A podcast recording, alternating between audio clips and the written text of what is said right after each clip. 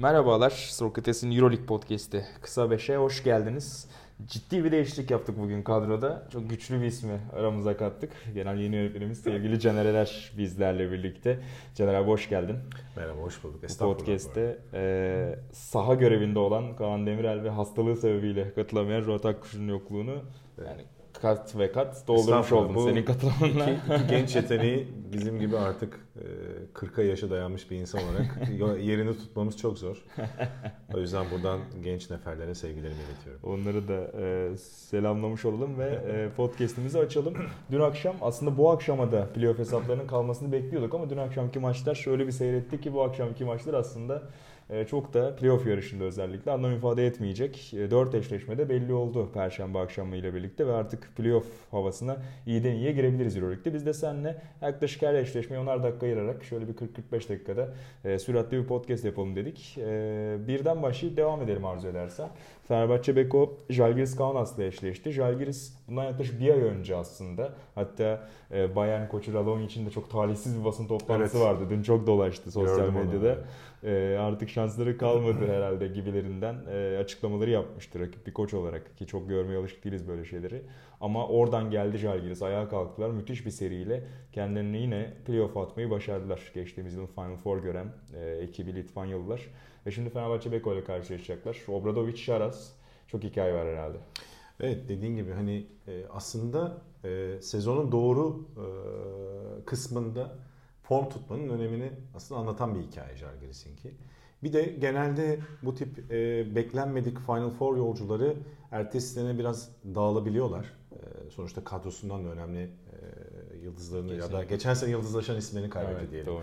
Hani Mitsic zaten geldi Efes'e bu sene performansını biliyoruz. İşte Pangos yani bu sene Euroleague'in en popüler iki oyun kurucusu yani yaz transfer Aynen. döneminden Kesinlikle. bahsediyorum. E gitti. Şimdi onun üzerinden oyun kurucu piyasasını da biliyoruz bir yandan. E, o açıdan da özür dilerim. E, bir yandan e, geçen sene öyle bir büyük sükse yaratmış bir takım tekrar ritim bulması bence biraz zaman aldı. Yani Doğru. o parçaların e, Yasikevicius'un sisteminde kendini bulması ve biraz o takım kimyasını tekrar oluşturması. İşte Nate Walters'tı, Thomas Volkap'tı.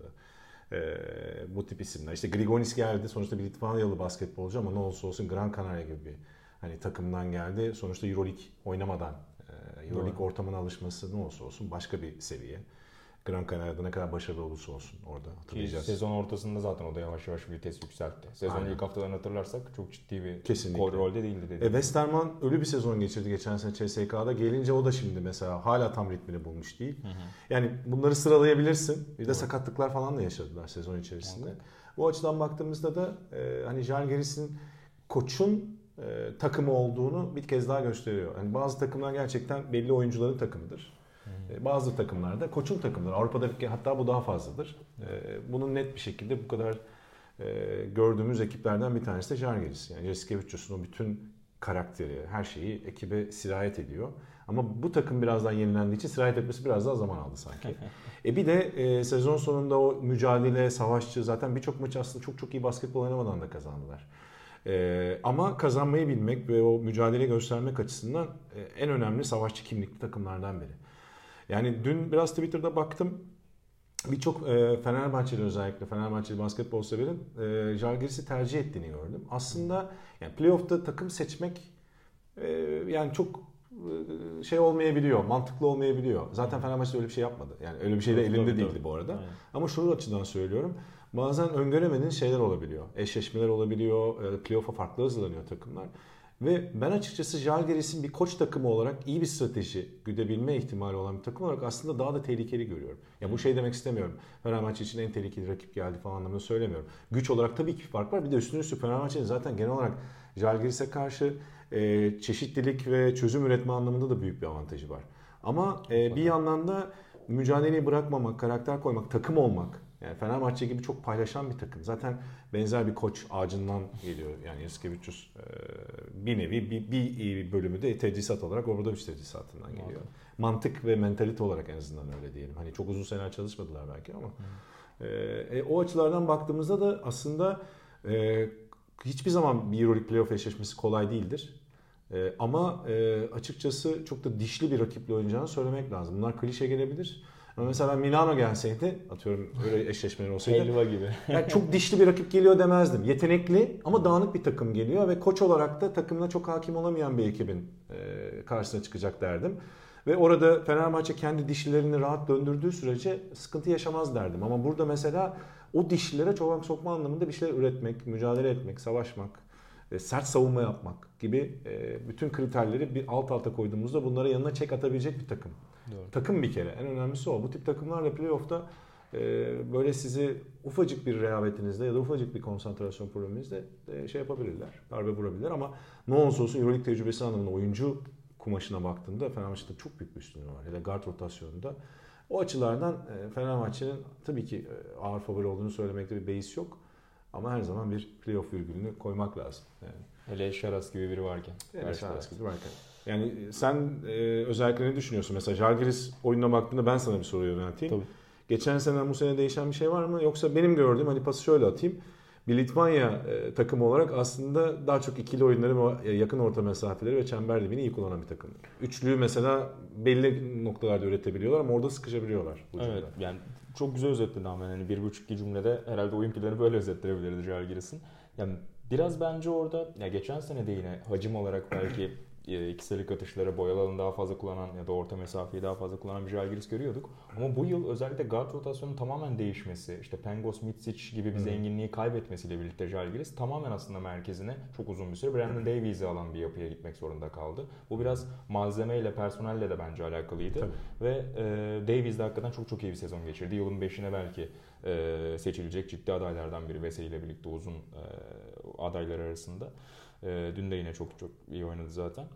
E, o yüzden de biraz yani zenginliğini pota altında o Davies'in etrafında gelişecek işte PNS'lerden. Onun sırtı dönük ya da e, etraftaki katlara üreteceği e, istasyonlarla sonuç arayan bir takım. Ya burada yani benim temel düşüncem e, estağfurullah temel düşüncem biraz orada guard rotasyonunda güven sürecinin senin de özetlediğin gibi kadro değişimiyle birlikte biraz uzun sürmesiyle bence alakalıydı. Hı. Bu yüzden biraz aslında mecbur da kalarak oraya geçti ve Davies de o yükü çok iyi sırtladı hakikaten. Belki biraz sorun yaşar gibilerdi ilk aylarda özellikle. Ama son dönemde en güvenilir uzunlarından birine dönüştü Davies Ligi. Senin bu dediğin en büyük kanıtlarından daha dünkü maçtı. Kesinlikle. Yani e, direkt en kritik anlarda hep Davies'e topu indirme e, opsiyonunu kullandı Yaskevicius'ta. Aynen öyle. Bu sayede işte biraz top kayıplarını da daha sınırlayabileceğini belki, belki düşünüyor. Evet.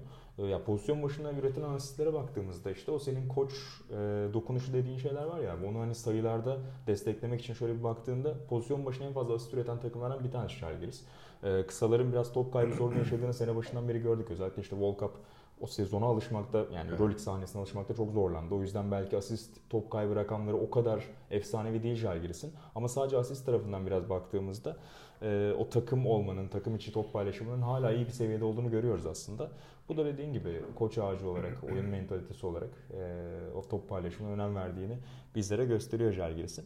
Benim burada Fenerbahçe'nin favori kılan unsurlardan biri olarak e, şunu düşünüyorum. Yani merkezinde Brandon Davis'in hani uzun aslında temelli bir yapı gibi düşünürsek eğer avantajını Žalgiris'in. Fenerbahçe'nin aslında orada Veseli'ye yani sonuçta 2-3 yıl önce belki şüphe duyanlar oluyordu Veseli'den hmm. büyük sahnede ama özellikle geçtiğimiz yıldan beri yaptığı, gösterdiği gelişim e, orada güvenilir bir liman olduğunu gösteriyor bize. O yüzden Davies'i biraz sınırlayacaktır mutlaka Veseli. O yüzden de Jalgiris'in biraz e, alternatifleri azalabilir o anlamda. Belki hatta avantajı. E, belli bölümde hani hem Veseli'nin sakatlığı hem Lovern'in probleminde e, daha çok bu programın ismi gibi iyice kısa beşlere. evet. Yani süper small ball'lara falan da dönmüştü işte. Yani mesela Melli e, değil de Kalinic, Kalinic'in 5 olarak evet. ki hatırlayacaksın zaten Real Madrid serisinde de zamanında Aynen abi. bundan 3 sene önce Final Four yılında denemişti onu Obradovic. Ki Milano'ya karşı geçen hafta da yanılmıyorsam uzunca bir süre öyle oynadı. Aynen ki orada da çünkü uzunların problemi vardı. Aynen. E şimdi Lovern'in durumu ne tam net bilmiyorum en son. Evet, Yetişecek ben de son mi? haberi ee, görmedim ama hala şüpheliydi en son baktığımda. Yani şimdi Lovern'in olması şu açıdan önemli olabilir. Yani kısa beşlere dönmediğinde de Veseli'nin nefes alması için önemli olacak. Bir de hücumda ne olursa olsun hala takımda belli kimyayı tutturamamış olsa da alçak post oyununda etkili bir uzun e, Lovren. Mutlaka. Bir e, sıkışan oyunda çözüm e, üretmek açısından e, Brandon Davis'e zaman zaman eşleştiğinde e, veya başka uzunlara o açıdan problem yaratabilir. E, ama tabii sakatlıktan dönecek nasıl dönecek o da önemli. Yani Kesinlikle. onu da hesaba katmak lazım. Ama öbür türlü de Fenerbahçe için çözüm üretme meselesi orada geliyor. Demin dediğimiz gibi. Yani Melli'yi 5'e çektiğinde mesela 5 şutör gibi oynuyorsun. Hmm. Çok acayip oluyor. Yani Kesinlikle. e, hele e, playoff'ta böyle bir şey yaptığında o zaman o Davis etkinliğini biraz olsun bertaraf etme şansı olabilir. Yani Fenerbahçe'nin üretme şansı çok. Burada en önemli şey Fenerbahçe için sağlık. Bir, her zaman için, her takım için öyle ama Fenerbahçe için daha da önemli. İkincisi de Fenerbahçe'nin kendi e, konsantrasyon frekansının olması ki bunu zaten e, yani çok klişe olacak ama bu takımda hep yukarıda tutmayı başarıyor bir şekilde. E, onda tabii Obradovic'in rolü çok büyük. Özellikle de büyük sahnede. Geçtiğimiz evet. playoff karnelerini hatırlarsak e, geçen yıl bir Baskonya maç kaybetmişti. Ondan önce mesela evet. Oaka deplasmanındaki iyi bir Panathinaikos'a karşı bundan iki sene önce şampiyonluk senesinde e, nasıl bir karne verdiğini deplasmanda hepimiz hatırlıyoruz senin de söylediğin gibi. Ee, onun dışında yani Lovern'e değindin abi. Çok kısa ona da ekleyelim. Yani Lovern özellikle işte biraz savunma tarafında evet. ondan şüphe edenler, çekinceleri olanlar vardı evet. Ama bahsettiğin gibi yani Veseli dinlenirken, Melli belki o gün günde olmadığında Lovern'in de hücum tarafında çok rahatlattığı dönemler oluyordu Fenerbahçe'yi. Ee, o yüzden de en azından onun da bir 10 dakika katkı verebilecek durumda olması elini çok zenginleştirecektir. Gerek Belki playoff'ta gerekse de F4'te. Arada Ahmet'i de oraya ekleyebilir. Güzel. Çünkü Ahmet bazen belli konularda bir de sağ görüşünü de e, arttırdı. Hı hı. Yani paslarıyla da öne çıkmaya başladı. Bir uzun pas yapabilmesi zaten yani pas istasyonlar kullanabilmek şu an e, özellikle Euroleague'de çok önemli bir mevzu. Kesinlikle. Zaten Veseli'nin asıl kıymetini arttıran unsurların başında bu sene sen de biliyorsun bir pas e, ve saha görüşünü arttırdı, pas yeteneğini. Hı. İki de top çalma yani o da savunmadaki saha görüşü anlamında evet. devreye giriyor. Zaten ikili oyunda alıyordu switch yaptığında. Yani Yudo döneminde de alıyordu ama Yudo o kadar iyi alıyordu ki ve senin orada aldıkları aslında gözükmüyordu. Ya Fenerbahçe'nin o zamanki o iki uzun ne kadar kıymetli olduğunu, ne kadar zor yakalanabilir olduğunu aslında şimdi daha net görebiliyorsunuz. O tarz uzun yakalamak bu, bu kadar çok yönlü olması itibariyle söylüyorum. Hiç kolay değil. O yüzden Veseli'nin formda olması en kıymetli şey olacak tabii ki. Aynen, çok Her ne kadar bireylere bağlı olmasa da Fenerbahçe sistem takımı olsa da playoff'ta bu detaylar e, normal sezondan daha farklı işliyor tabii ki. Dediğin gibi abi yani o rebound ortalamalarına da baktığımızda yani toplam e, sahadaki reboundların yüzde kaçını aldığını iki takım baktığımızda aslında ligin ortalarında olduklarını görüyoruz. O anlamda da senin dediğin arada yapılacak 3-4 dakikalık Ahmet şokları diyelim tırnak içinde. Evet, evet, Orada bir rebound anlamında Jalgiris de bozabilir yani. Ya da oynayacağı bir ikili oyun. E, kesinlikle bir iki. artı yaratabilir. Hı hı. E, bir X faktör olarak görebiliriz onu da. Senin de söylediğin gibi. Ee, ekstra bir notun yoksa diğer eşleşmelere yavaş yavaş geçelim. Tabii Vakti ki. çok e, Zaten e, aşmadan. E, eşleşmeler başlamadan önce yine bir daha uzun eşleşme değerlendirmeleri yaparız. Bir de arada ödüller de verme şansımız olur. Aynen. Yani Önümüzdeki hafta içinde. Ruat gibi genç neferlerimizin de fikirlerini merak ediyorum. Yani onlar geldiğinde özellikle ödülleri vermek daha iyi olacak. Görüş bir, farklılıkları olması açısından. Onları da bir finalden geçirelim abi diyorsun. Bakalım hangi e, kişilere ya da takımlara ödülleri verecekler. ee, ikinci normal sezonu bitiren takım Ceska'ydı. Yani onlar da aslında ciddi bir türbülanstan geçtiler yani. Sezon özellikle ilk yarısında hatta sezon ortası bir koç değişimi olur mu soruları daha iyi gündemdeydi. Nando De Colo'nun 10 dakikalar, 12-13 dakikalar civarında kaldığı bazı maçlar hatırlıyoruz. Ciddi bir soyunma odası problemi olduğu konuşuluyordu evet. ama onlar da yine sezonun son bölümünü biraz toparlanarak geçirdiler. Çok da ihtiyaçları vardı o kadar sallantı içerisindeyken. Ama karşılarında Baskonya'yı bulacaklar. Yani benim çok merak e, duyduğum, merak beslediğim bir eşleşme hakikaten. CSKA Baskonya. Bilmiyorum sen neler düşünüyorsun? Şimdi Şengelya döndü, süre aldı. Tabii ne kadar hazır olacak e, kestirmek güç. Yaklaşık 3 aydır sakattı. Lig maçındaki yaşadığı o sakatlığın ardından Tornike Şengelya. Ama sezon başını hatırlarsak ligin en özel 4 numarasıydı belki de Şengelya. Sezonun 5 adaylarından biri olarak herkes sene başında konuşuyordu. O hazır dönerse, o çok iyi dönerse yani Itudis'in de parkede saha içinde yaşadığı o kafa karışıklıklarını yer yer biliyoruz. Buradaki e, iç sahadaki Efes maçında mesela bunun birçok örneğini gördük son saniyede kazansalar da. Ee, ya ben bir sürpriz olursa çok şaşırmayabilirim bu eşleşmede açıkçası diyeyim. Pası sana atayım. Yo bence de. Hatta CSK geçen sene de hatırlayacaksın. Hinke eşleşmesinde evet. de eleniyordu az daha. Evet. Yani, yani orada bir, çok hakem kararları tartışılmıştı Kesinlikle. Hakemin de e, yardımı olmuştu CSK'ya. Ciddi yardım olmuştu. Yani çok önündeki pozisyonu görememişti. Ee, yani CSK'nın şöyle bir sorunu var gibi gözüküyor. Geçen seneden bugüne gelinirken de yani Rodriguez'in takımı Decolo'nun mu? Çok klişe olacak ama yani şimdi Decolo ile Teodosic birbiriyle başka türlü bir uyum sağlamıştı. Ee, ve e, orada özellikle farklı karakter de gibi gözükseler de aslında birbirine uyum sağlama anlamında daha büyük bir e, klik yakalamışlardı. O da zaten şampiyonluğu getirdi e, CSK'ya. sonuçta bu bir guard takımı. Euroleague hala guardların ligi. Ee, Daha doğrusu Basketbol. daha çok Euroleague değil basketbol genel olarak kısaların oyunu olmaya devam başladı ve daha da yoğunlaştı bu.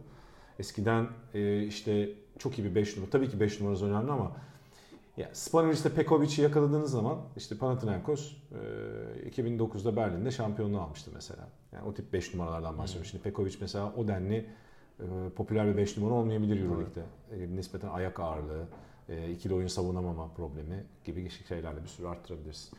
Şimdi burada baktığınız zaten CSK'nın mesela uzun rotasyonuna bakıyorsun. Öyle bir uzun hiç yok artık. Yani CSK'nın klasik pivotu yok. E, işte Otel Hunter Kylans var. E, bunlar hep ikili oyun oynayabilen e, ve üzerine atlet, kısayı da savunabilen uzun kollu e, Doğru. uzunlar diyeyim daha doğrusu 5 numara pozisyonunda oynayanlar. E, Nikita Kurbanov ve e, şeye bakıyorsun Alec Peters. e, Alec Peters'a şutör olabilen 4 numaralar 3 numaralar. E, bir yandan alanı açmaya çalışıyor Itudis. Zaten e, e, kısa rotasyonu e, çok çeşitlilik arz ediyor. Yani her türlü silah var elinde. Evet. Problemi daha çok bunların uyumunda yaşıyor.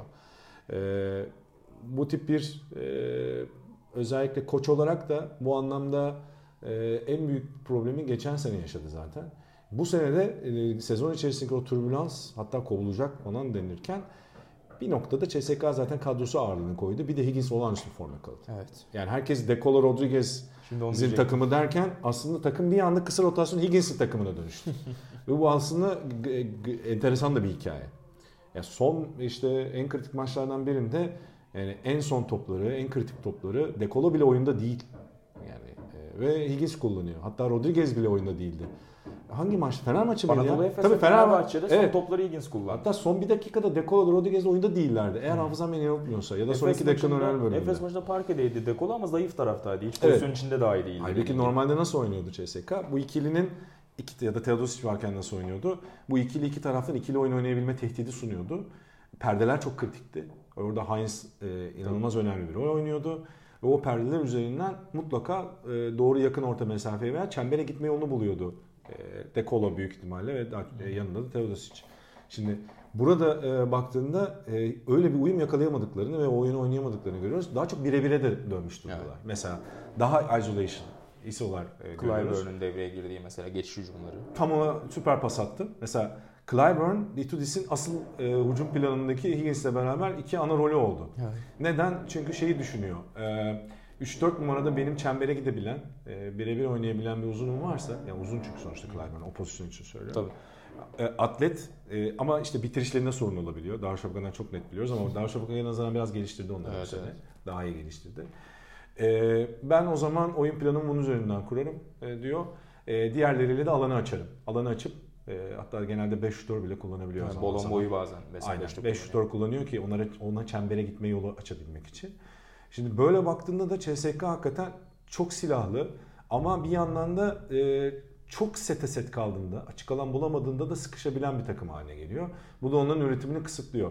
Eğer siz gerçekten tempo yükselttirmez ve oyunu kısıtlarsanız bu konuda hele bir de e, iyi switch yapabilen, e, Higgins gibi kısaları ya da e, ters eşleşme yaratabilen e, Clyburn gibi isimleri savunabilecek bir seviyedeyseniz gerçekten o sertlikle oynayabilirseniz CSK'ya büyük problem yaşatabiliyorsunuz. Baskonya bu anlamda Schengen'le işte orada çok kritik oluyor. Evet, O evet. sertlik dediğimiz işte eşleşme e, avantajını pasifize eden, nötralize edebilen bir oyuncu olarak yani bir numarayla oynayabiliyor, beş numarada savunabiliyor.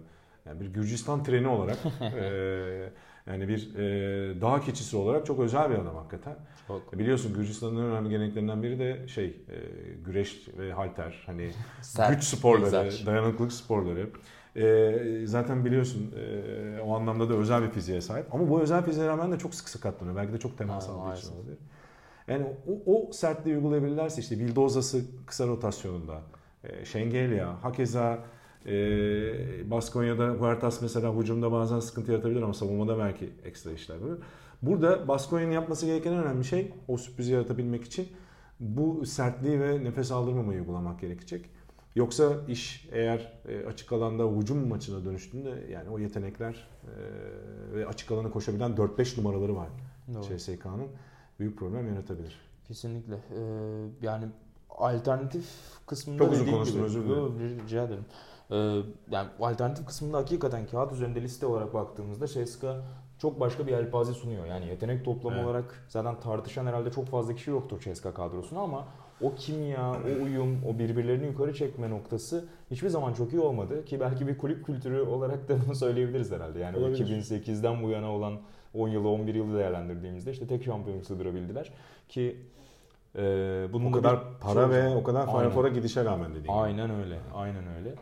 E, hal böyleyken burada da özellikle işte o çok şan şöhretten çok fazla e, yıldız parıltısıyla işi olmayıp daha çok parkede verdiği katkıyla odaklanan işte Clyburn ve Higgins'in zaten omuzlarında çok yükseldi. Ceska bu bence o yüzden onlara döndü dediğin gibi. Evet Aynen. biraz mecburiyetinin de getirisiyle Hı hı. ee, onu yapmak zorunda kaldı. Ee, bundan da katkı alıyor ama tabii playoff'ta işler sıkıştığında illaki Sergio Rodriguez'e, illaki Nando De Colo'ya e, şöyle Kritik bir bir isim daha ekleyelim Dan Hackett. Yani Keza. Hackett orada çünkü çok pozisyon ya da çok çeşitlilik arz etme anlamında işte bir numarada oyun kurabiliyor. 2 3 Savunma 4 sertliği. numarayı da neredeyse gidebiliyor. Bir de savunma anlamında da önemli. E, topa yön veren, o tip birebir oynayabilen isim olarak hatta oyunu organize edebilen isim olarak aslında bu sene en önemli John Smith'lerinden biri oldu. Evet. Ki biliyorsun sakatlanmadan önce aslında Avrupa'nın en değerli oyuncularından biriydi bence. Ama çok ağır 2-3 sakatlık ya da işte Olympiakos'tayken hatırlayacaksın.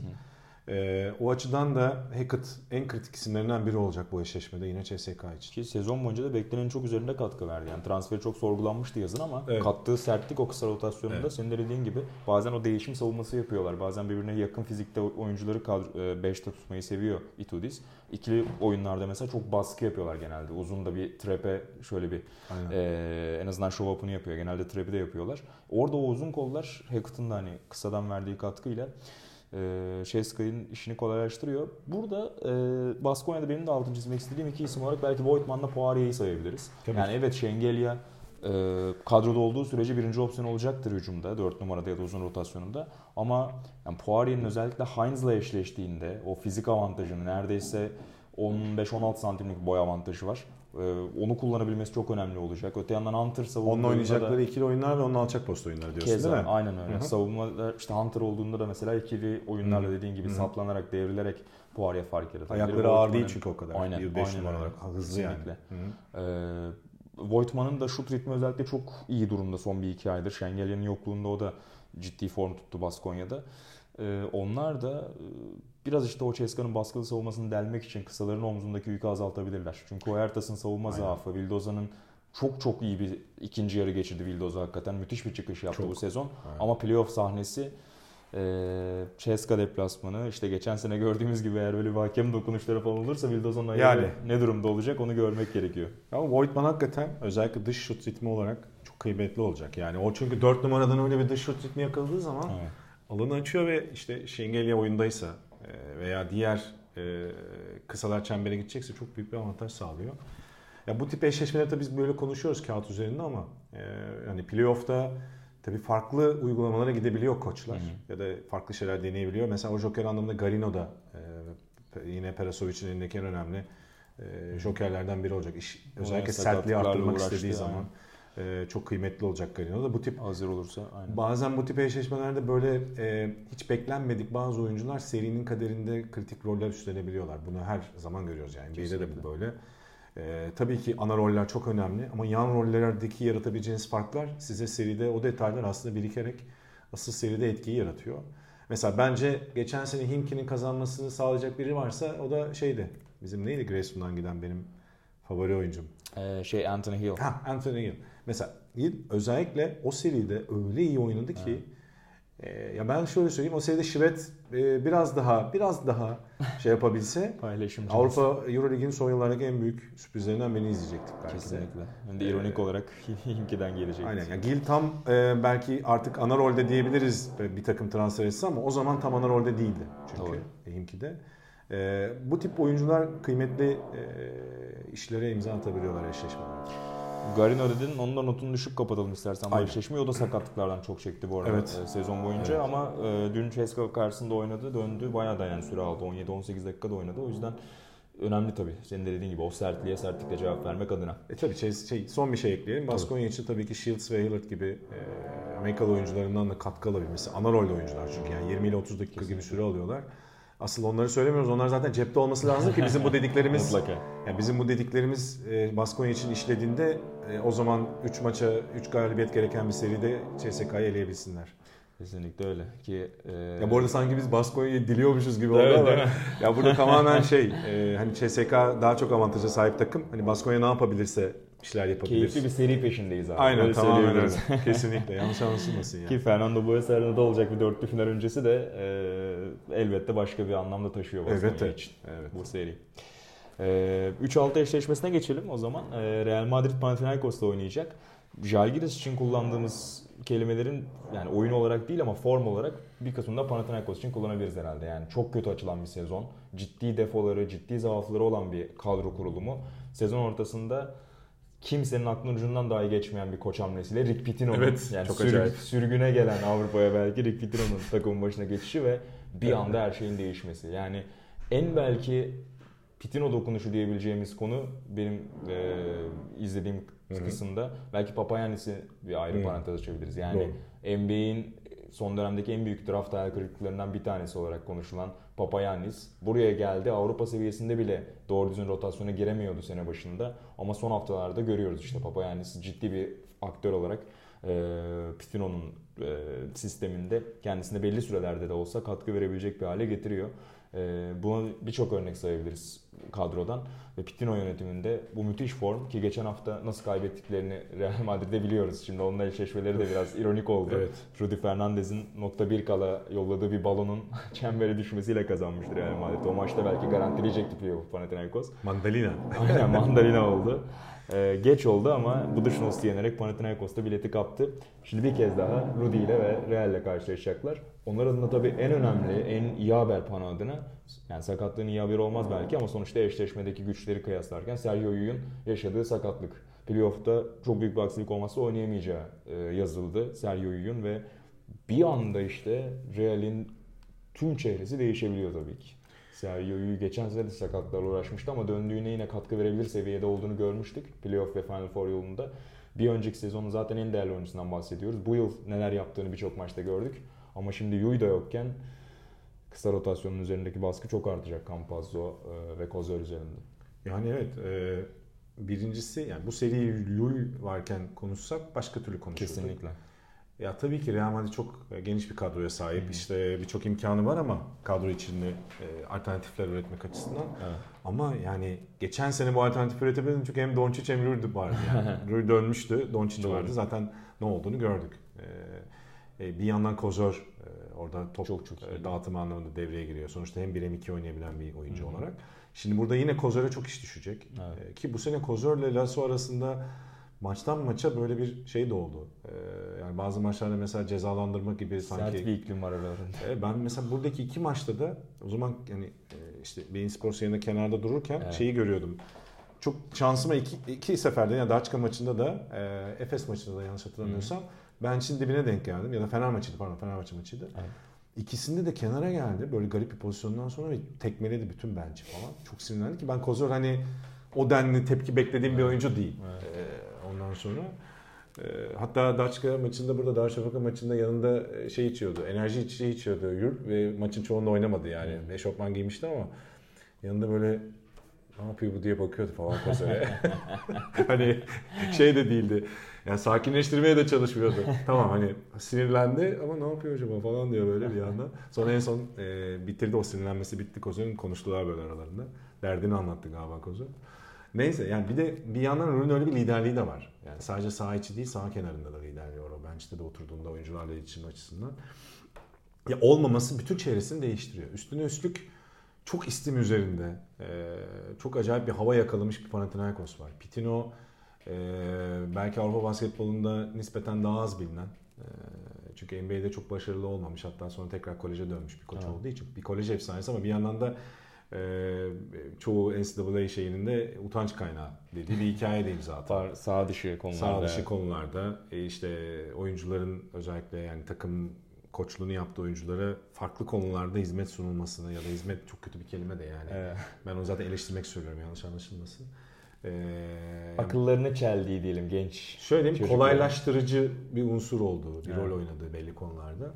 Yani bu mesela Pitino'nun tabii ki basketboldaki zekasını ve basketbol sahasında e, çok uzun yıllardır neredeyse 30-35 yıldır e, sunduğu belli şeyler var. Ama hiçbir zaman burayı ihmal etmemek gerekiyor. Pitino açısından aslında biraz sorunlu bir figür. Ama bir yandan da yani zaten Twitter'ı nasıl kullandığını biliyoruz. işte röportajları nasıl verdiğini biliyoruz. Ama bir yandan da PR dehası. Aynen öyle. Bir de oyuncularla iletişimini çok iyi kurduğu bilinir. Yani kolejde de birçok oyuncuyu çok yukarı çektiği bilinir. Özellikle Kentucky'de ve Louisville'daki Hı. maceralarında. E şimdi takımın ana beyni ne? Lig Galates. Galates bir Florida efsanesi. Ee, ve e, kolej basketbolunda e, yetişmiş. Amerika'da aslında büyümüş bir Yunan e, guard. Ve Pitino'nun ne, ne olduğunu, ne ifade ettiğini çok iyi biliyor. O yüzden geldiğine itibaren de yani hani Kalates ile Pitino arasında bambaşka bir simbiyotik ilişki de oluştu. Onu görüyoruz. Bu bir kere zaten Panathinaikos'a bir artı getiriyor. Hmm. Üstüne üstlük kendi aralarında Pitino'nun ne kadar önemli bir koç olduğu bilindiği için saygı duyarak e, oyuncular karşılıyorlar. Bir kumardı Pitino'ya getirmek. Bir NCAA basketbol koçunu getirmek e, Euroleague'e çünkü çok aşırı uymuyor aslında kafa olarak değişen basketbol ama Pitino bir kere oraya havayı getirdi, iki disiplini getirdi, üç iyi ilişkileri getirdi. Çünkü Panathinaikos gerçekten dibe doğru gidiyordu Pitino geldiğinde. Evet. Hatta evet. geldiğinde de tam toparlayamadı sonradan evet. kendini buldu takım. Dediğim gibi işte Papayanis gibi bir hamle yaptı. Ee, akabinde e, yani birçok oyuncunun performansı e, yukarı çıktı. Ve e, şimdi burada bu kadar istim üzerinde gelen e, Pitino'nun Panathinaikos'u Juventus Real Madrid. Çok acayip bir Ellerini ovuşturuyordur herhalde Pitino şu an Atina'da. Hala kesinlikle. Kesinlikle bir de seride strateji üretmek, rakibe karşı bir şeyler üretmek anlamında da Pitino çok bence önemli bir e, enteresan bir gözlem evet, evet. yapmamız gereken bir e, dönem hmm, olacak. Maç boyu seri. göreceğimiz bir tam sağ baskı kimseyi of. şaşırtmaz herhalde. Hem de nasıl? Yani acayip şeyler olacaktır orada tahminimce. Ya da Euroleague'in daha nadir tanık olduğu şeyler hmm. olacaktır diyeyim. Ee, bir de öbür tarafta da Lul'un yokluğunda morali bozulan bir Real Madrid var. Normalde hala Real Madrid favori tabii ki. Bir de Randolph'un da bir sakatlığı vardı bu arada. Yani form anlamında e, nasıl bir e, performans gösterecek e, yani onu bilmiyorum ama. Parke edici Algiris'e karşı ama dediğin evet. gibi ne kadar hazır olacak e, iki hafta içinde. Şu an konuştuklarımız o anlamda da tabii bir değişiklik gösterebilecek. Evet. Yani 15 gün uzun bir süre evet. lig maçları olacak arada. Ben sana şey atayım. E, şöyle bir pas atayım. Ee, şimdi biz Kalates diyoruz ama Kalates'te çok bağımlı olduğu bir e, evet. oyuncu Panathinaikos. Sence o bağımlılığını hafif kırabildi mi biraz Shankir Patrick'le? Ee, ve birazcık belki de hani orada Kit Langford'ı biraz daha devreye sokmaya başlayarak nispeten. 50 maçlarda. Ee, bu Real Madrid rol olmasa da yine işte Campaz Okozor, işte oraya belki Rudy Fernandez ama Rudy Fernandez hani savunmada daha kırılgan bir isim. Hı. Belki işte e, orada başka Jeffrey Taylor'ı sonuçta guard savunmasında yer, yer. kullanıyor. Evet, uzun yani bu tip olur. şeylerle sence Real Madrid yine de o dezavantajı yaşamaz mı? Ne dersin? Ee, yokluğunda. Yani yaşamaz demek güç tabii yani. Tabii. Büyük, çok büyük bir e, yıldız yani Avrupa'nın en büyük oyuncularından bir tanesi. Daryl Morey'nin Houston Rockets genel menajerinin en büyük rüyası evet. belki. Evet. Avrupa'dan getirir ve planları son, sürüyor. E, röportajında yine çok mutluyum burada 31 yaşındayım ve uzun süre oynamayı planlıyorum evet. demiş ama yani sonuçta akıl çelilebilir orada yani. Aynen, Sonuçta Rockets var yani. Şimdi. Bir Avrupa turu yapmıştı bir iki hafta önce yine evet. Madrid'de de üyeyi izledi. Eee onun yani yokluğunu hissetmezler demek çok hayalcilik olur tabii, tabii ki tabii, ama tabii. E, senin dediğin gibi alternatifler yaratmaya çalışacaklar. Panathinaikos tarafında Kalates'e bağımlılık kırabildi mi? Alternatifler yaratmaya çalışıyor. Yani hücum tarafında mesela Dishon Thomas'tan ki ne kadar sorunlu bir oyuncu olduğunu Efes'te evet. de Maccabi'de de gördük. O da çok ciddi bir çıkış içerisinde. Birçok kritik maçta, kritik dakikalarda maç sonlarında sorumluluk aldığını da gördük. Pitino etkisini çok hissettiğimiz evet. oyunculardan biri olabilir. Evet. Az önce Papayan istedim. Dediğin Hı. gibi Dishon Thomas da çok başka bir noktaya çıktı e, Pitino ile birlikte. Ama tabii ki kıramadı Kalates'in e, birincil ve ana dağıtıcı e, merkezdeki kaptan oluştuğu e, oluşundan bir değişiklik yaratamadı. En güzel örneğini dün gördük işte. 12 yıl sonra bir triple double izledik Avrupa basketbolunda. Ya. 18 asist yaptı Galates. Evet bu Duşnos'tu rakip belki ama olsun. ne olursa olsun. Yani 12 yıl dile kolay. Nikola Vujicic şu an Maccabi'nin genel menajeri Vujicic. Ee, en son triple double yapan oymuş. Ki Vucic de çok çeşitlilik arz eden ve hani asist özelliği çok fazla olan bir e, uzun olduğu için evet. e, yani oradan gitmesi tabii şaşırtıcı olmayabilir ama yine de o da çok ekstrem bir olaydı. Doğru. Ama hani şu ben en çok şaşırdığım şey, özür dilerim araya girdim. Rica ederim. Ee, yani Nikolates yani bu kadar normalde düşük tempo oynamaya çalışan bir guardken bunu yapması yani normalde yüksek tempo oyunda bulmak daha e, kolay olabilir. İşte NBA'de o değişimi zaten en büyük örneği. Evet. o açıdan başarması müthiş bir şey. Öyle bir e, Hakikaten şey. öyle. Bir iki maçta zaten yaklaşık Tackle'da birkaç reboundla kaçırdığı da olmuştu Kalates Evet, evet. sezon içerisinde. Ya o yüzden de tabii ki tüm dümen yine onda olacak. Burada yani Kalates'in şutunun riske edileceğini tahmin etmek herhalde sürpriz olmayacaktır. Bunun başarıyla uygulayanlar oldu. Mesela iç sahada Efes hem Kalates'in hem Antetokounmpo'nun şutunu riske ederek başlayıp müthiş bir baskıyla sezonun ilk yarısındaydı tabii o Pitino dönemi değildi. Ama çok çok iyi bir maç çıkarmış. Onları e, devre dışı bırakmayı başarmıştı. Ama dediğimiz gibi alternatifleri arttı Panathinaikos'un. Bu tür anlarda Kilpatrick'in işte o atıcı özelliğini, şutör özelliğini kullanmaya çalışıyorlar. Yer yer Langford'ın birebir de ee, yine işte Real maçında bunu gördük örneğin. Birçok kritik anda Kalates'i ciddi şekilde geri çekildiği için Campazzo hiç yakınında beklemediği için onu aktif edemeyeceklerini fark etmişlerdi ve Langford'un birebirlerinden çözüm üretmişlerdi. Bu yüzden de Pitino arayacak. Pitino aramaya devam edecek. Açık alanları kullanmaya çalışacak. Ama bu anlamda da tabii ki e, yani şimdi Yui yokken Campazzo daha fazla hücumda da daha fazla sorumluluk almak zorunda kalacak. Böyleyken Kalates'in üzerindeki baskısı biraz azalabilir. E, bu da tabii ki Pana adına bir avantaj yaratabilir. Yani hepsi aslında birer domino taşı gibi birbirini Tabii. etkileyecek konular bunlar. Tabii. Ee, yine çok keyifli bir seri olacak. Yani boş seri yok gibi bu sene. Yani tek tek bakınca hakikaten Ya bu özel bir tabii playoff'a doğru giriyoruz. Avrupa basketbol tarihi açısından da bir ağırlığı var. Yani bu iki takımın eşleşme açısından. Ama dediğin gibi Kalates'in şut performansı kritik olacaktır kesinlikle. Aynen İşte öyle. Kilpatrick orada çok kritik e, bir rol Evet. üstlenecek. E, bu sene geldiğinden beri zaten Panathinaikos'ta e, takım içi e, performansı yükselenlerin yanında takıma doğru katkıyı verebilecek bir transfer yaptılar. Yani Kilpatrick atılacaktır bu arada yani e, Nets'te çıkış yapmıştı. E, zamanında 2-3 sene önce Çok NBA'de. kötü bir kadroydu Nets'te. O yüzden Çok kötü de bir kadroydu. Hatta draft edilmeden ya da ikinci tur Hmm. draftı mıydı? olabilir. Kilpatrick? İki Hafızam galiba. beni yanıltmıyorsa. 50'lerde diye hatırlıyorum Şaşırtıcı bir performans sergilemişti. Sonra yani problemler yaşadı ama Avrupa'ya gelmesi benim hani 3 sene öncesinde beklemediğim oyunculardan bir tanesiydi. O yüzden çok iyi transfer sezon ortası bulmak açısından Panathinaikos için. Kesinlikle iyi de katkı vermeye başladı dediğin gibi son maçlarda. Bir iki maçlık o alışma periyodunu attıktan sonra. Ee, zaten ondan önce 3 sayı yüzdesinde çok çok kötü e, sıralamadaydı Panathinaikos. Yani hala en elit üçlükçülerinden biri değil ligin e, Evet. takım olarak Pana ama Sean Kilpatrick biraz orada kan verdi hakikaten takıma. Yani onun şut tehdidi yaratması demek e, Alan açılması. Kalates'in nispeten aynı hem alan, açması hem de yanında Kalates oynadığında Kalates'in de rahat e, çünkü Kalates asıl ikili oyun oynadığında ve çembere kendisi de gidebildiğinde Evet. yani uzun oynatıp aynı zamanda kendisi gidebildiğinde etkili bir isim.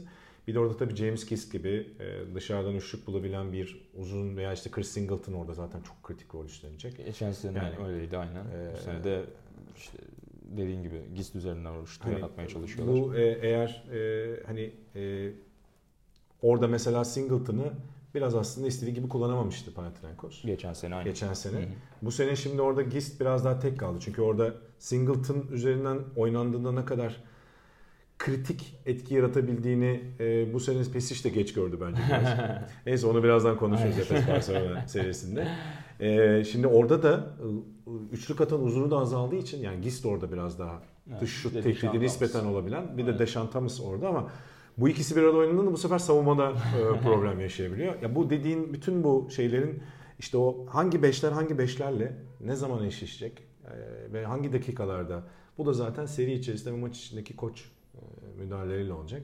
Burada işte o mikro ayarlarda Pitino özel bir koç. Lasso evet çok iyi bir koç. Ama Pitino işin o hem Detaycılık. makro hazırlamada hem e, mikro rakibi hazırlamada müthiş bir basketbol dehası. Bizim burada konuşmamızın ötesinde özel bir deha.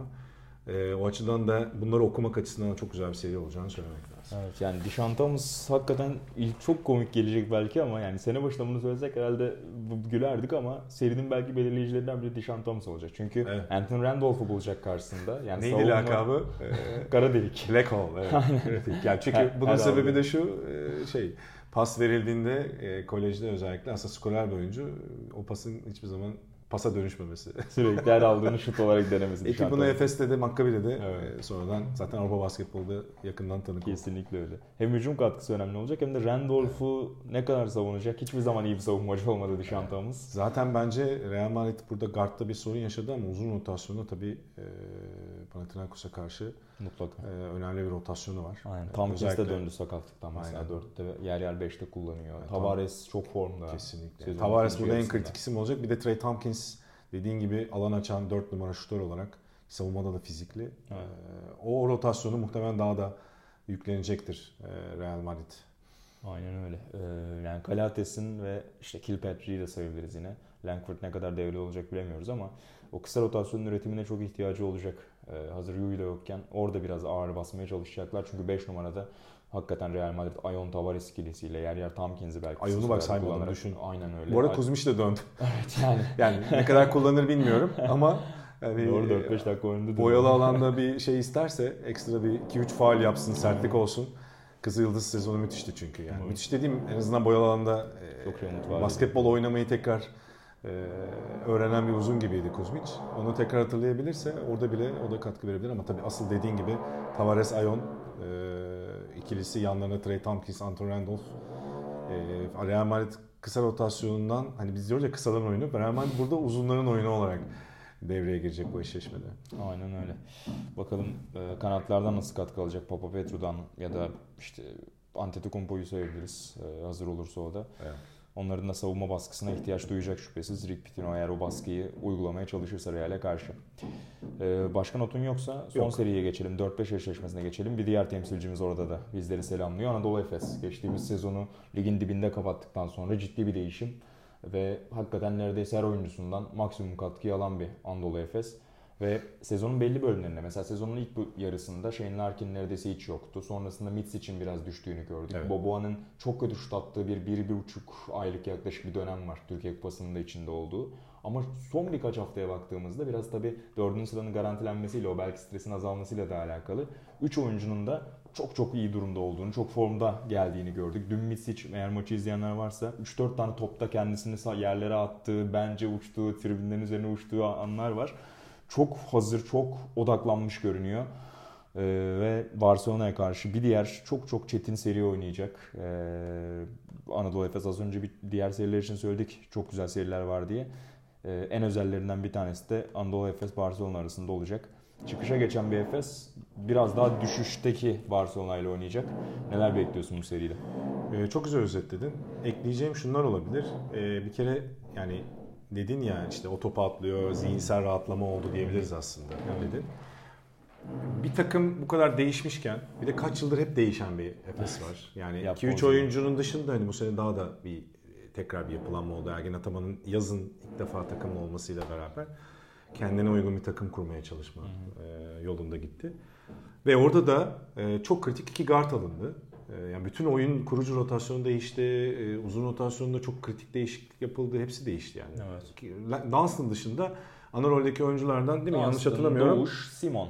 Evet. Ee, üç düzünü sayabiliriz. Değişmedi. Yani onu pardon çoğu değişti. Aynen onun dışındakiler değişti. Şimdi bu tip takımlar genelde nasıl toparla e, yolunu buluyorlar? Biraz o takım olma hissi daha çok kazanınca oluyor. Yani kaybettiğinde evet Efes kaybettiğinde Ergin Ataman'ın o takımla olan ilişkisi gereği yine kendini toparlama şansı buldu ama e, kritik maçlarda tam kendini bulamadığında da kazanarak 5-6 maç bir serisi vardı Efes'in evet. sezonun ilk döneminde. Hatta Fenerbahçe'yi de yenmek e, yenmişti Geriden kendi sahasında senelerden hem de çok kötü bir ilk yarıdan sonra. Evet. E, bunlar o takım olma, beraber oynama, e, birbiri için oynama ve kimya oluşturma konularında doğru malzemeyi o e, şeyin içine atıyor. Laboratuvar kasesinin içine atıyor, tübün içine atıyor. O zaman da işte doğru tepkime veriyor. Hı hı. Bir yandan Larkin'in tam artık kendini bulacak mı bulamayacak mı derken patlama maçına ihtiyacı var derken yani Big Bang olması yani tekrar bir evren yarattığı bir maç maça imza atması e, bir anda zaten lavı patlattı. Yani yanardağ e, köpürdü Ki orada. ironik olarak o patlama da Barcelona'ya karşı gelmişti yine. Aynen. Çok güzel hatırlattın. Şimdi bu bir takımın birbiriyle olan ilişkilerini çok başka bir boyuta getirir, kenetlendirir. Hedefe doğru daha farklı bir odaklanma yaratır.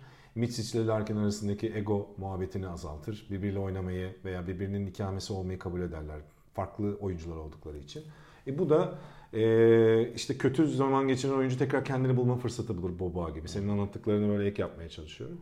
E bir yandan da e, karakter olarak bence Efes bir şeylerin eksikliğini yaşıyordu son yıllarda.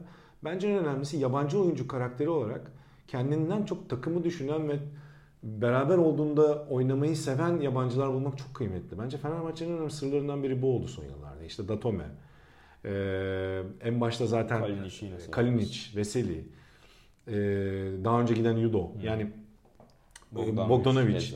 Şimdi bu oyuncu karakterler o kadar kıymetli ki. Şimdi Ben bu açıdan bir kere dansını zaten sayarsın. Zaten takımın bel kemiği gibi o açıdan. Ama yanına gelen oyuncu karakterler arasında Plyce çok iyi bir karakter. Adrian Moerman. Adrian Moerman çok numara. iyi, çok iyi bir karakter. Bunlar önemli önemli şeyler. James Anderson ben son yıllarda hep haksızlık edildiğini düşünüyorum. Aynı Ee, özellikle. Bu sene de bence çok iyi iş çıkardı. Kendi rolünde iyi oynuyor bence. Ve hiç sesini çıkarmayan, işini yapan, bu tip yani 2-3 numaralar bulmak, 1 numaralar bulmak kolay değil. Ki O zaman çok altında bir rolde oynuyor bu sezon. Onun Aynen. sorun yaratmadı Aynen. dediğin gibi. Sözü edilmiyor. Bazı maçlarda o kadar kritik işler yaptı ki. Bunlar e, bu, bu tip karakterler ki şimdi Boboa, Larkin ve Mitic de daha yıldız karakterli oyuncular. Ama onlar da birbirlerine uyum sağlama şansı buldular. E, zaten Larkin'le Boboa bir yandan birbirlerini tanıyorlar. Tabii. E, Baskonya geçmişleri Baskonya geçmişleri var. Yani birbirlerine uyum sağlama anlamında oradan bir hatıraları var diyeyim. E, e, Simon bir kere son yıllarda olmadığı kadar takım oyuncusu oldu. Hem Hırvatistan milli takımında hem de daha önceki takımlarda hep atan, Milano'da kendini falan, düşünen işte Milano'nun o kötürüm ortamında diyeyim şey olarak. Ee, yani hep birey üzerine kurulu ortamında Mikrobik. o da bireyselleşmişti. Burada o da e, çok güzel mikro ayarlarla topa yön veren şutör, savunmada gayretli bir oyuncu dönüştü. Bunlar hep işte takımın yerli oyuncularının karakterleri de önemli. Doğuş zaten acayip bir karakter orada. İşte Doğuş'la Dunstan'dan başlayan bir kimya, karakter kimyası oturuyor. Bu da kazanınca daha da yukarı çıkıyor. Efes bunu yaşadı. O dediğim paylaşımlı. İşte beraber oyununda keyif alan takıma dönüştüğünde bu yetenekler yeşermeyi başarıyor. Yani atmosfer buluyorlar. Larkin atmosfer buluyor, Miçic buluyor, Muharman buluyor. E, Muharman'ın bir geçen senesine bak, bir Bamit Karanlık senesine bir- bak, Aynen. e, Daçka senesine bak.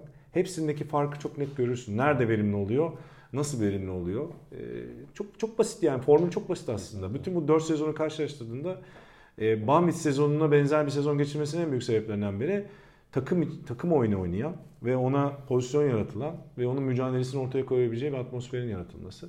Bu da Efes çok yukarı çekmiş durumda. Bu eşleşmede de takım olma, e, işte savunma, hele Efes savunmasını yukarı çektiğinde çok daha da etkili olabiliyor. E, diyeyim pası sana atayım. Ben Savunmadan da yani. dediğin gibi çok güzel özetledin hakikaten oyuncu oyuncu bakıp.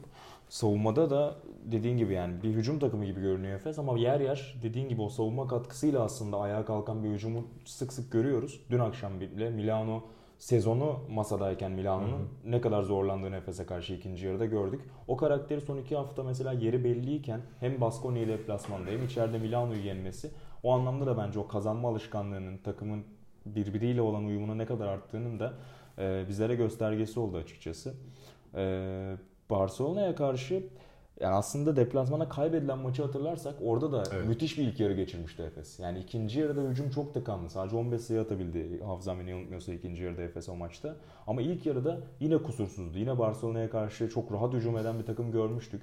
Buradaki maç zaten hem Larkin'in yıldızlaştığı hem de takım olarak 20'lerde maçın çok büyük bir bölümünü götürdüğü bir Efes gördük. O yüzden aslında iyi eşleştiğini sezon başından beri Barcelona'ya karşı görüyoruz. Ee, Anadolu Efes'in. Bu tabi ümit verici. Yani serinin ge- geniş genel akışını düşündüğümüzde de Efes'in o 6 çeyrekte gösterdikleri, vaat ettikleri Barcelona'ya karşı oldukça önemli. Efes'in ne kadar formda girdiğinden bahsettik. Barcelona da özellikle sezonun ilk yarısının sonuna doğru. Yani sezon ortalarında ciddi bir form yakalamıştı ama sonra özellikle işte burada kaybedilen o Evet. Efes maçının ardından bir anda tepe taklak oldular. Akabinde Fenerbahçe Beko'ya kaybettiler. Sonrasında Bayern Münih'e hiç kimse beklemiyorken kaybettiler.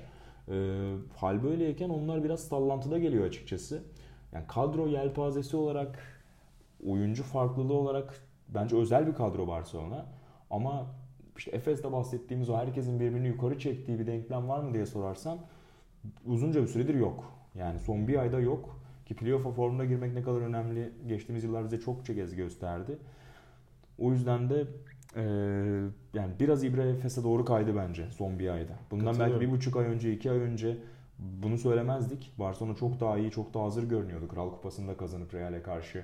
Hakikaten bir, yenilmez bir görüntüye bürünüyor gibilerdi ama Hatta işte Euroleague'de klasik- de yenmişti Barcelona. Aynen öyle dediğin gibi. hı. Klasik ama işte bir örtel dümeni yine örtele teslim edilen bir dümen sağa Evet. sola yalpalamaya başladı sezon kritik Örtel anlarında. e, ayrı bir şey. Örtel hakkında konuşmalıyız. ayrı bir va- ayrı bir vaka kesinlikle öyle. Ya herkesin böyle cümleye hafif sırıtarak başladığı bir sima. Neden? Şimdi dinleyenlerimiz şey diyebilir. Ya yeter artık örtel. Seveni de vardır kimse- belki. Vardır. E, çünkü şey olarak yaratıcı oyuncu olarak özel, temaşa, e, görsel e, farklı faktörler katan bir isim basketbol sahasına. Ama işin istikrar ve e, liderlik kısımlarında E, ve karar mekanizmalarında, kritik anlarında, karar e, anlarında hep problemlere imza atabilen bir oyuncu. Yani güven meselesinde sorun yaşıyor ve hep bahsedilen şey Örtel'in takım içerisinde iyi ilişkiler kuramadığı çok fazla gittiği yerlerde. Bu anlamda da hep takımın kimyasının aşağı çektiği, oynamadığı dakikalarda mutsuz olduğu. Ee, yani o, o Örtel şimdi ne olur? Bu seviyede gelir ilk maç yani olmasın tabii ki de acayip basketbol da oynayabilir. Olabilir. Ama e, yani sizin bunun çözümünü bulmanız da mümkün. Ve bulduğunuz anda işte Örtel o zaman acayip daha da kötü kararlar veriyor. Hı hı. Ya işte buradaki e, Fenerbahçe Barcelona maçında öyle kritik bir yerde saçma bir şeyler yaptı ki ben hani ve koç geri aldı. Ben dedim herhalde bir daha sahaya sürmez. Yine en kritik anda Pengos'u iyi oynarken Pengos'u geri aldı. Pesic ve Örtel'i oyuna aldı. Yani şimdi orada kritik anda da onu kenarda da oturtamıyor. Daha da kötü olacak diye. Hmm. Hani biliyorsun ondan önceki maçta da kızdı bütün maç. Efes, Efes maçında Efes mıydı? Maçında, evet. Efes maçında oturttu bir işte. savunma hatasında kızıp Aynen. iki buçuk çeyrek Onu yaptı. Ertesi maç bir şey düzelir diye bekledi. Yine yani şeydi. Halbuki ondan önceki 3-4 maçı kazanmasının onun rolü vardı. Mesela çok iyi oynamıştı. Tabii Kral Kupası'nda harika oynamış. Müthiş oynadı. Ama işte öyle maçları var. Ama yani bu şey gibi mahallede çok kritik bir maç kazanacaksın. Ben Örtel'i yan mahalleden çağırırım. Ama çok kritik bir seri oynayacağım. Çağırmayabilirim. yani 5 maç oynayacağım. Birinde su kaynatır illaki diye. Ben orada güvenemeyebilirim. Ama tek maç var. Bana acayip bir adam lazım böyle üretecek, yaratacak falan. Tamam olabilir. Ama öbür türlü ben sezon planında mesela A planı yapmakta zorlanırım örteli. Yaparım A planı Pangos. Bunu da baştan belirtirim. Hmm. Sonuçta Pesic'sin yani. Tabii. Ya da yönetici olarak Nacho Rodriguez'sin. Yani Barcelona sonuçta uzun yıllar oyuncu olmuşsun, yöneticisin yani. Ve bunun üzerinden örten şey rolünde olur. Gelir biraz üreten, kenardan gelip e, yaratıcı oyuncu rolünde olur. Ama işte onu kabul etmeyecek kadar da yıldız egosunda bir isim. Kendini farklı gören bir isim. E sen onun yanında Pengos alıyorsun, ziyan ediyorsun. Pengos görev adamına evet. dönüştü ya. Geçen seneki Pengos'la bu senekini kıyaslayınca. E, çünkü Pengos için de ona uygun ortam gerekiyor. O gelip liderliği yapacak oyuncu değil ki. Yani liderliği ancak uygun ortamı bulduğunda geçen sene e, sonuçta koçun lider olduğu bir takımda liderlik yaptı Pengos. Bir koçun sahadaki e, e, eliydi. Yani Çok doğru. E, uygulamacı aslında Pengos. Bir gelip takımı lider olarak çekip çevirecek oyuncu değil. O yüzden Örtel de değil. E o zaman ne yapıyorsunuz? İşte Ribas ihtiyaç duyuyorsunuz. Hanga'ya ihtiyaç duyuyorsunuz. Hanga'ya ihtiyaç duyuyorsunuz. Singleton'a çok ihtiyaç duyuyorsunuz. Ama onları verimli kullanıyor musunuz özellikle Singleton'ı? Yani bence Singleton'ı gerçekten Barcelona'da harcıyor. Aynı geçen sene Muharman'ın harcadığı Senin az önce Milan için söylediğine benzer bir durum aslında son yıllarda Barcelona için de var. Yani oraya gidip performansını arttıran oyuncu sayısı çok çok az. İşte Muharman'ın ne kadar kötü bir sezon geçirdiğini söylediğin geçen sene Barcelona'da. Bu yıl Singleton keza. Geçen sene Pana'da çok çok iyiyken bu sene evet. bir yeri geldiğinde çok çok az kullanıyor. Yani 4-5 Tomic ve Serafen'e teslim ettiği birçok maç hatırlıyoruz. Ee, Oriola bak. Keza. Oriola bir yıldız değildi ama Valencia'da e, nasıl oynuyordu Oriola? Kupayı, Tabii. kupa kazandılar yani e, evet. e, şeyde. E, Euro Cup'ı aldılar ve Oriola takımın en önemli isimlerinden Lig, biri. Aynen doğru. Ee, lig şampiyonu mu oldular Euro Cup? Galiba lig şampiyonu Mal Euro Cup finalisti oldular. Malaga'ya Malaga yenildiler orada evet. doğru. Ki evet. orada da o final yolculuğu hakikaten özeldi. Evet. Ee, yine Pešić yani güvendiği oyuncular arasında işte Klaver olsun, e, Hanga olsun, Oriola olsun hatta 2-3-4'e onları koyup çok baskılı bir savunma yaptırdığı da oluyor. Ee, Efes'in bir avantajı tam sağ baskıyı sık sık kullanıyor Barcelona ama orada Shane Larkin'in sürati o baskıyı biraz açma konusunda elini kuvvetlendiriyor. Hı hı. Buradaki maçta onu gördük. Doğru. Ee, orada da sonuç alamayınca Barcelona'nın savunma planı biraz düşüyor açıkçası. Kolay geçiş hücumlarında sayı yedikleri için. Ee, Ergin Ataman işte çok rahat bir maç çıkarınca Barcelona'ya karşı basın toplantısında şeyleri söylemişti. Yani biz zaten çok uzun zamandır hazırlanıyorduk Barcelona'ya. Onların birkaç ana hücum planları var. Onları nötralize etmeye çalıştık demişti. Bunların bir tanesi Örtel ve Pengos'a yapacağımız baskıydı dedi. Ki Doğru. onların üzerine hücum yaratıyorlar genelde dedi. Evet. Ki bunu işte Doğuş'la başlayıp gerçekten çok iyi bir baskı yapmıştı. Seride de bunu görebiliriz yer yer. Ve hakikaten onları nötralize etmişti. Örtel'in dediğin sen anlattın az önce. Su kaynatıp zaten iki buçuk çeyrek kenarda tuttu peşit sonrasında. Ee, ama durduramadığı bir nokta vardı buradaki maçta. Çok iyi oynamasına rağmen Efes'in e, Barcelona'yı. O da Tom için iki, e, sırtı dönük oyunlarıydı. Evet. Çünkü Dunstan Orada iyi savunmacı Plyce'e göre. Ama boy olarak kısa bir oyuncu Dunstan. Yani Tomic 2.17'lik boyuyla çok rahat oynuyor sırtı dönüyor Dunstan'a karşı. Ve klasik kalan son alçak post pivotlarından evet. biri. Onu artık uzmanlaşmış durumda. Aynen öyle. Ee, oralarda belki işte son bir iki hafta iyi geçiren Plyce'la Tomic'in dakikalarını eşleştirip öyle bir evet. e, çeşitlilik yaratabilir Ergin Ataman. E, çünkü yani Tomic evet yaşlandı ama hala belli maçlarda ne kadar dengeyi değiştirdiğini görüyoruz birebir yaptığı hücumlardan.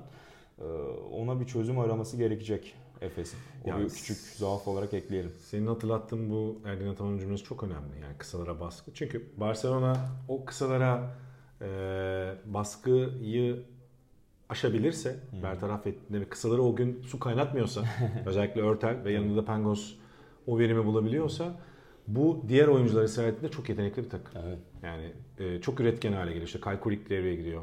E, şutör olarak. Kuric, Ee, Hanga, Ribas. İşte Hanga bir yandan Yakabilazic'i e, bazen kullanıyor. Bazen hiç kullanmıyor. Mesela Fenerbahçe maçında burada onu başlattı. Evet. Acayip iyi başladılar. Çünkü top çevirdiler ve Yakabilazic boşluklar buldu. Yani Doğru. orada mesela çok doğru başladı Barcelona. Ee, ama sonra bir baktık Bilazic bir daha sayı bulmadı çünkü bir daha o oyunu oynamadılar. Yani bir daha o pas pas üzerinden perdeler, hareket e, onu sürekli haline getiremiyorlar. Siz iyi savunma yaparsanız çünkü Fenerbahçe de orada savunmanın dozajını arttırdı. Yani acayip bir baskı yaptı kısalara. Zaten bir anda tekrar su kaynattı orada kısaları Barcelona. Şimdi e, bu olmadığı zaman e, bu olursa işte Serafani ikili oyunda kullanabiliyorlar. E, atlet e, uzun olduğu için. Evet. Tomic dediğin gibi alçak posta bir opsiyon. E, bir yandan Chris Singleton hem de 4 var. numara şutör hem o da orta mesafesi var. Üstüne savunmada ikili oyun savunabilen çok kritik bir oyuncu. Yani Chris Singleton ne kadar az sahada kalırsa o kadar iyi olacak Efes için. E, eşleşme avantajları açısından söylüyorum. E, orada Muayerman çok kritik rol oynayacak tabii ki. Evet, onun E, şut ritmi önemli olacak. e, senin ya bu Muayerman eğer şut ritmi bulursa o zaman Singleton'ı pasifize etme nispeten Doğru. şansı bulabilir. Ya bunlar tabii biz çok detay detay detay gidiyoruz da asıl mesele dediğim gibi Fener- şeyin e, Anadolu Efes'in buradaki konsantrasyon olacak ki onun da yüksek olacağını tahmin edebiliyoruz. Aynen. Bu kadar sene sonrasında birçok oyuncu aç e, playoff, Euroleague playoff'unda bir şey yapmaya ve çok da kenetlenmiş giriyor Efes. Keza koç da öyle. Keza zaten Ergin Ataman'ın buradaki hedeflerini biliyoruz. E, bir yandan burada da işte yani Victor Claver gibi, Singleton gibi, e, Oriola gibi. Oriola gibi hani uzun rotasyonuna katkı verebilecek 4 numaralar, 3 numaraları da var. Yani mücadele edebilecek. E, o, o mücadeleyi karşılamak önemli olacak. Çünkü Barcelona'da mücadele ettiğinde çok etkili bir takım. E, düşmediği zaman. O düşüşü genelde kısalarının düşüşü yaşatıyor. Doğru. O yüzden de senin söylediğin noktaya geliyoruz. E, hatırlattığın noktaya. E, Efes'in kısa savunması en kritik konulardan biri olacak bu seride. Aynen öyle. Yani Kipeş için yer yer hem Pengos hem Örtel'i oturtup Ribas Hanga'yı 1-2'ye koyduğu beşler görebiliyoruz. Hem Serafan hem Tom için oturduğu, Singleton'ın 5'te olduğu esnek olabilecek beşler görebiliyoruz. Yani Barcelona hakikaten çeşitlilik anlamında çok eks bir kadro, iyi bir kadro ama koçla olan uyumları ne durumda dersen Ya eee, buradaki Fenerbahçe maçında başka bir şey. kaçıncı saniyede Evet, atıldı Pesic? değil mi? Ben İlk böyle hücum. Allah Evet, Allah. evet. Şey işte e, Blazic'e bir pozisyonda faul çalınmadı. Ki ortada bir Çıldırdı. karar yani. Öyle Ortadaydı, deli- ortadaydı. Acayip bir karar da değildi. Ya hani atıyorum şöyle olur. Koçlar genelde işte son 3 maçta iki kez atıldı ya Popovic. Herkes şimdi onu konuşuyor San Antonio Spurs'ta. Ya koçlar bazen sıkılır, sıkıl, şey takımların oyunundan sıkılıp onları ateşlemek için hep bilinen mevzu at- atılırlar. Ya bunu en çok Popovic hatta yapanlardan biridir NBA'de. Ama yani daha sıkılınacak bir nokta yoktu ya da e, mutsuz olunacak bir nokta. Hatta Barcelona iyi başlamıştı bu arada. yani hayır hakemlere baskı uygulayacak diyeceğim. Ee, belki onun için yaptı diyeceğim de yani e, o da en kritik maçlardan birinde az daha Barcelona o maçtan bugüne az daha Tabii. playoff'a neredeyse hani girememe Alt tarafa yaklaşabilirdi. yaklaşabilirdi. Fikstürü rahattı neyse. E, Fixture rahat olduğu için Aynen. şansları yanlarındaydı. Yoksa hani hakikaten problem yaşayabilirlerdi. Ya Pesic şimdi çok büyük saygı duyulacak bir kariyer. Hı. Ee, yani 80'lerden itibaren. Ee, ama ya bu arada Alman pasaportuyla da biliyorsun Doğru. koçluk yapıyor. Yani Bayern. 93 Almanya'yı şampiyon yapmıştı Avrupa şampiyonu. Ee, meşhur. Hala da oğlu biliniyor zaten Bayern Münih'in sportif direktörü. Doğru. Ee, Alexander. Bayern Münih Barcelona karşılaştığında da Pesic'ler karşılaşıyor diye geyik yapılmıştı. Neyse ama ım, şu anki basketbolda zaman zaman demode kalabiliyor. Ee, bazı e, özellikle beşler. Hala klasik bazı 5 numaraları çok ana rolde oynatması işte. Tamam Tomic çok önemli bir oyuncu belki belli konularda da. Ana Savunmada rolde da olması aynen. e, biraz demode bulunuyor. Hani bu Barcelona kadrosu kurulurken de Pesic'in o anlamda belki daha farklı opsiyonlar yaratabilecek bir yani işte bu guardları kullanışı bile biraz demode mesela. Mutlaka. Ee, Hani Örtel'le Pengos'u kalıyor. Bunu, bu demodelikleri deşebilirse Efes ki bunları zaten ne kadar iyi incelediğini o maçta da görmüştük Efes'in. Efes tabii ki bence de seride sana katılıyorum. Ee, bir hatta belki iki adım önde. Ee, Çok uzattın. diyerek yavaş yavaş toparlayalım. Yok rica ederim. Yani çok akıcı oldu bence. Ee, umarız diyelim 17 Mayıs'ta e, Final Four'un hafta sonunun açılışında Cuma günü bir Fenerbahçe Beko Anadolu Efes Aa, evet. eşleşmesi Finalde izleriz. bir Türk takımı garanti. Böyle Aynen. hep çok çok özel olur. Yani e, Vitoria'da o eşleşme ki sezon boyunca birçok kez e, iki tarafın da çok iyi göründüğü maçlar izledik. Yakın geçen geri dönüşleri e, olduğu maçları izledik. Bakalım umarız diyelim. Evet, Bayağı bayağı spor bir açısından da ülke basketbol açısından da çok özel olur tabii ki. Unutulmaz bir sene olur. muhteşem olur. Ee, o seri şey serileri kazansın iki takım da Final Four'da ilk maçta izleyelim harika olarak. Bu, bu Temenni- dileklerle değil, bu temennilerle Bu playoff'a. güzel temennilerle sizlere veda edelim. Ee, bir aksilik olmazsa önümüzdeki haftada ödülleri toparlarız. Ee, sevgili Caner'lerin de söylediği gibi. Yavaş yavaş podcast'imizi kapatalım. Biz bildiğimiz oyuncusu şey- örter falan. Böyle bitiriyormuşuz. o kadar yerdikten sonra. Örtel'e selam çaktık yine. Peki e, sevgili Sokrates Ergenel yeni yönetmen Caner'ler bizlerle birlikteydi. Ben Buğra Balaban bu podcast'te e, eşlik etmeye çalıştım. Yeniden buluşmak üzere. Hoşçakalın.